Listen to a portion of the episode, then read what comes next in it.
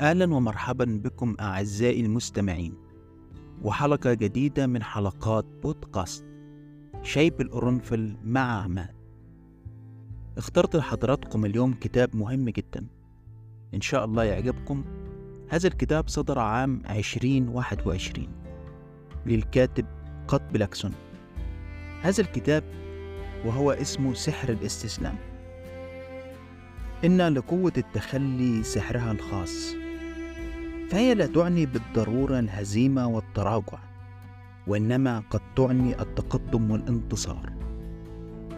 هذا الكتاب يدعو كل العالقين في شباك الماضي بالتخلي ويدعو الساعين نحو هدف لا رجاء فيه بأن يتوقفون لأنه يرى أن الاستسلام وترك الحياة تمضي كما تشاء هي فرصة ثمينة تفتح لنا أبوابا جديدة لم نكن نعتقد إنها موجودة.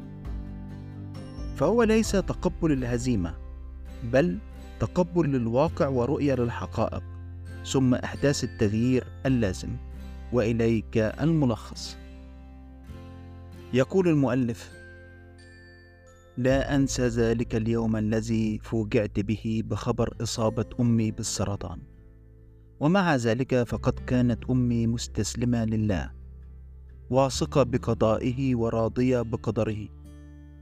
فهي خضعت لعدة جلسات كيماوي أدت إلى إضعاف جسدها. وبرغم ذلك أخبرتني أن الجسد ما هو إلا لباس للروح. فإذا حان وقت خلع ردائي فأنا راضية والموت هو فرصة لتنمو بها روحي مجددا. أخبرتني أن رفضنا للحقيقة ومحاولة السيطرة على حياتنا. سوف يؤدي إلى المزيد من المعاناة. في كل مرة يهجم علي الحزن لوفاة أمي أتذكر كلماتها وأشعر بالسلام والراحة. فلقد علمتني أهم درس في حياتي وهو الحاجة إلى الاستسلام وأن أترك الأشياء تمضي. فهمت المعادلة. التي آمنت بها أمي. الاستسلام مع الثقة يؤديان إلى نتائج ساحرة في حين أن السيطرة والمقاومة يجلبان المعاناة. أكمل معي. لعلك تقتنع مثلي بتلك الحقيقة. الفصل الأول. يدفع الغرور الإنسان إلى رفض الواقع وتزييف الحقائق. خلال فترة ما لزمني شعور بأنني لست في المكان الصحيح. لذا سافرت إلى أمريكا أرض الأحلام لأحقق ما أؤمن به ولكن لم يؤمن بقدراتي أحد ولم أجد الفرصة.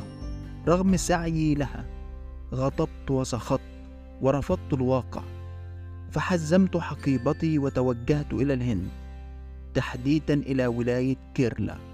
لأقابل مرشدا روحيا يدعى غانويل. فسردت له قصة سفري إلى أمريكا وأخبرته عن حلمي بأن أكون مؤثرا وملهما وعن طموحي في أن أكون مثل مقدمة البرامج أوبرا بحيث يكون لي برنامجي الخاص. ولكنني فشلت وبت أشعر أنني غاضب من الله. فلماذا لا أصل إلى ما أريد؟ نظر إلي وقال إنه غرورك. هو ما دفعك للاعتقاد بأن كل ما تريده يجب أن يحدث كما خططت. فتشعر بأنك مسيطر على حياتك كليا. إنك متمسك بفكرة أن حياتك سيئة ولكن هذه هي الحياة عامة. فيها ما تحب وما تكره. عندما تخضع لسلطة غرورك تحبس نفسك في إطار معين. وتمنع الحياة من إظهار ما تخبأه لك حتى إن غرورك يحثك على التصديق بشيء خاطئ كأن تشعر بأنك منبوذ ولا أحد يحبك ولو بحثت عن الأسباب لوجدت أنك تمنعهم من الاقتراب منك بأفعالك وهكذا استطاع غرورك وضع اللوم عليهم وتجريدك من المسؤولية ولكن ألم يشعرك هذا بالإرهاق؟ فما الحل برأيك؟ الفصل الثاني عليك أن تتقبل الحقيقة لأنها سوف تدفعك لتقوم بالتغيير اللازم هل تريد أن ترى السحر في حياتك؟ لا شيء أقوى من سحر الحقيقة عليك أن تعرف كيف تتقبل الحقيقة إن تقبل الحقيقة ليس بالشيء الهين ولكن الحقيقة سوف تحررك وتسعدك ولكي تصل إليها يجب أن تسأل نفسك ستة أسئلة ما الكذبة التي أقولها لنفسي؟ وما هو الشيء الذي أدعي جهلي به؟ وما هي نتيجة بقائي عالقا في الوهم؟ بالإضافة إلى أن تسأل ماذا كلفتك؟ وما هي مخاوفك لو قلت الحقيقة؟ وأخيرا ما هي الخطوة الصحيحة التي سأقوم بها اليوم؟ وفي هذا الشأن هل تعرفون ماذا فعل جيم؟ لقد أخبرني أن علاقته الزوجية لم تكن جيدة ولكنه كان يرتعد خوفا من فكرة تفكيك العائلة وجرح أطفاله. فاتفق هو وزوجته على البقاء معا وأن يتظاهرون بأن كل شيء بخير ولكنه لم يعد يحتمل. فقلت له يا جيم يجب أن تعترف بحقيقة. إنك لن تكون سعيدا بعلاقتك مع زوجتك. ثم تسعى للتغلب على غرورك وتعترف بأن الفعل الصواب هو الطلاق. إن خوف جيم ناتج عن فكرة فقده لما يقدمه الزواج من الأمان والرفقة والتقدير. فسألته ماذا لو أن أفضل شيء قد تقدمه لأطفالك هو الطلاق؟ فهل تريد لهم أن يروك حزينا ومقيدا؟ أم تريد أن تعلمهم الحب غير المشروط؟ باستمرارك ووالدتهم إعطائهم الحب والمساندة. وأخيرا اعترف جيم لزوجته بمشاعره. وكانت هذه مشاعرها أيضا واتفق في النهاية على الطلاق. الفصل الثالث توقف عن محاولة السيطرة على مجرى الحياة دائما. واترك مجالا للمفاجأة. عندما كنت في الهند اعتقدت أن القطار سيأتي في موعده. انتظرت لتسع ساعات ولم يأتي. وبالطبع غضبت وكرهت الهند ولكنني لاحظت أنني الوحيد الغاضب. فالجميع يبدو سعيدا هنا. فسألت أحد الجالسين متى سيأتي القطار؟ قال لي فليصل متى يشاء في النهاية سيصل. لذا لما لا نستمتع بتلك اللحظة. وأن نرى ما ستقدمه الحياة. المعجزات تحدث وأنت أكبر مثال. قدرتك على رؤية قوس المطر أليست معجزة؟ عندما حصلت على البطاقة الخضراء في نصيب الهجرة وسافرت إلى أمريكا كانت هذه معجزة بالنسبة لي. عندما تشكك في حقيقة المعجزة فإنك تضع حدا لكل ما يمكن أن يحدث. إن الاستسلام لا يعني الهزيمة فأحيانا يجب أن تستسلم. لما حدث لك؟ كي تستطيع أن تأخذ حقك. نحن لا نستطيع أن نمنع الشر كليا عن وجه الأرض. فالدنيا ليست المدينة الفاضلة. تقبلك لهذا سوف يجعلك أقل رفضا ومقاومة للواقع. سوف يحافظ على سلامتك النفسية. لأنك ستكون قد هيأت نفسك. سابقا لفكرة أن العالم ليس دائما مكانا ورديا ويجب أن تتعامل مع الشيء السيء فيه ومع هذا في كل مرة تتاح لك الفرصة. في أن تجعل العالم مكانا أفضل لا تتردد وفي كل مرة تسمع صوتك الداخلي يخبرك بضرورة فعل شيء ما استمع له.